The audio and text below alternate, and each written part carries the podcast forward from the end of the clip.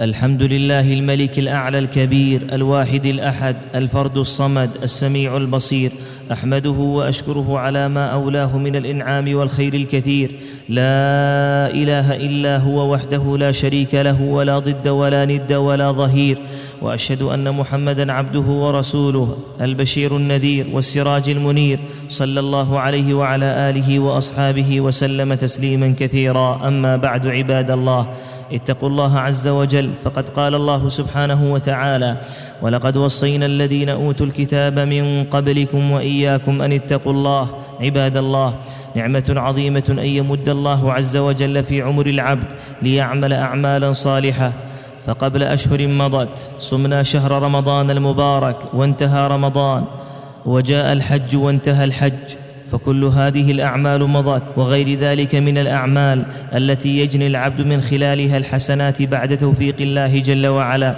وهناك أمر ينبغي للمسلم الا يغفل عنه ألا وهو المحافظة على العمل الصالح بل والمحافظه على الحسنات التي حصل عليها الإنسان. فقد ذكر أهل العلم بأنه من علامات قبول الحسنة الإتيان بحسنة بعدها لأن الحسنة تجر إلى الحسنة ولا يكون المسلم كالتي ذكر الله جل وعلا في كتابه.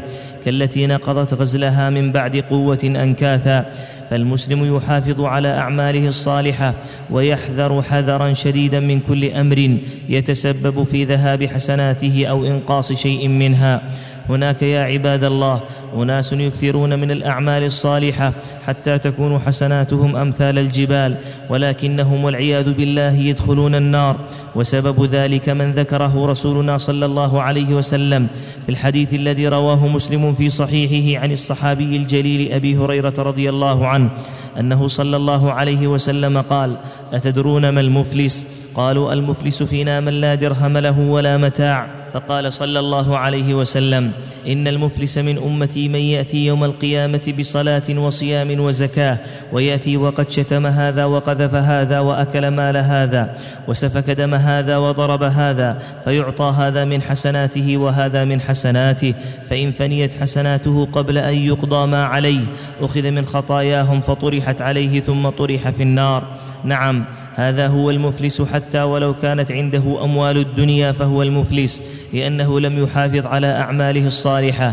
فلنحذر مما يتسبب في إتلاف حسناتنا فالأمر والله خطير جدا. عباد الله. ومن المحافظة على العمل الصالح استقامة العبد على طاعة الله جل وعلا راغبا في الآخرة مشمرا إلى المسارعة في الأعمال الصالحة استجابة لقول الله جل وعلا واعبد ربك حتى يأتيك اليقين. نعم أيها الإخوة الاستقامة التي تتضمن كمال الذل لله عز وجل وتمام المحبة له مع الصبر على فعل المأمورات واجتناب المحظورات والصبر على المقدورات مع اتباع محاسن الأخلاق ونبيل الصفات. إن الذين قالوا ربنا الله ثم استقاموا تتنزل عليهم الملائكة ألا تخافوا ولا تحزنوا وأبشروا بالجنة التي كنتم توعدون. اللهم أيقظنا من رقدة الغافلين. وأغثنا بالإيمان واليقين واجعلنا من عبادك الصالحين وارحمنا برحمتك يا أرحم الراحمين. أقول قولي هذا وأستغفر الله لي ولكم من كل ذنب فاستغفروه إنه هو الغفور الرحيم.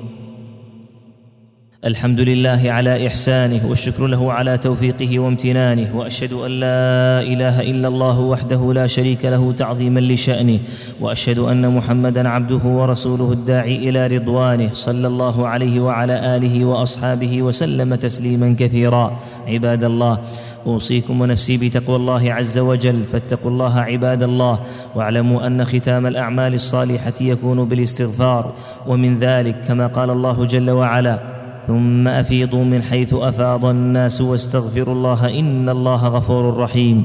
إنه الاستغفار الذي يكون باللسان ويواطئه القلب وتقارنه التوبة النصوح. وإلا فمن استغفر بلسانه وقلبه على المعاصي معقود وأن يرجع إلى السيئات ويعود فيخشى عليه أن يكون باب القبول عنه مسدودا وعن الإجابة مردودا. سبحانك يا الله أنت علام الغيوب وتستر العيوب وتغفر الذنوب وتصلح القلوب. أنت الحليم الذي لا يعجل والكريم الذي لا يبخل. سبحانك تعطي ولا تمنع وتداوي ولا تجرح وتنادي لكل عبد ليفرح. اللهم اجعل نطقنا ذكرا وصمتنا فكرا ونظرنا عبرا ولا تجعلنا ممن أطال الأمل وأساء العمل وأكثر الجدل. واجعلنا ممن سمع الحكمة فوعى وسمع القرآن فدنا واتبع الصراط فنجا. يا سميع الدعاء يا مجيب الدعاء. نسألك اللهم عيش السعداء وموت الشهداء والرضا بالقضاء والشكر على النعماء والصبر على البلاء والفوز يوم اللقاء ومرافقة الأنبياء. ونعوذ بك يا ربنا من عضال الداء ودرك الشقاء وسوء القضاء وشماتة الأعداء. ونعوذ بك يا ربنا من كيد السفهاء. سبحان ربك رب العزة عما يصفون. وسلام على المرسلين. والحمد لله رب العالمين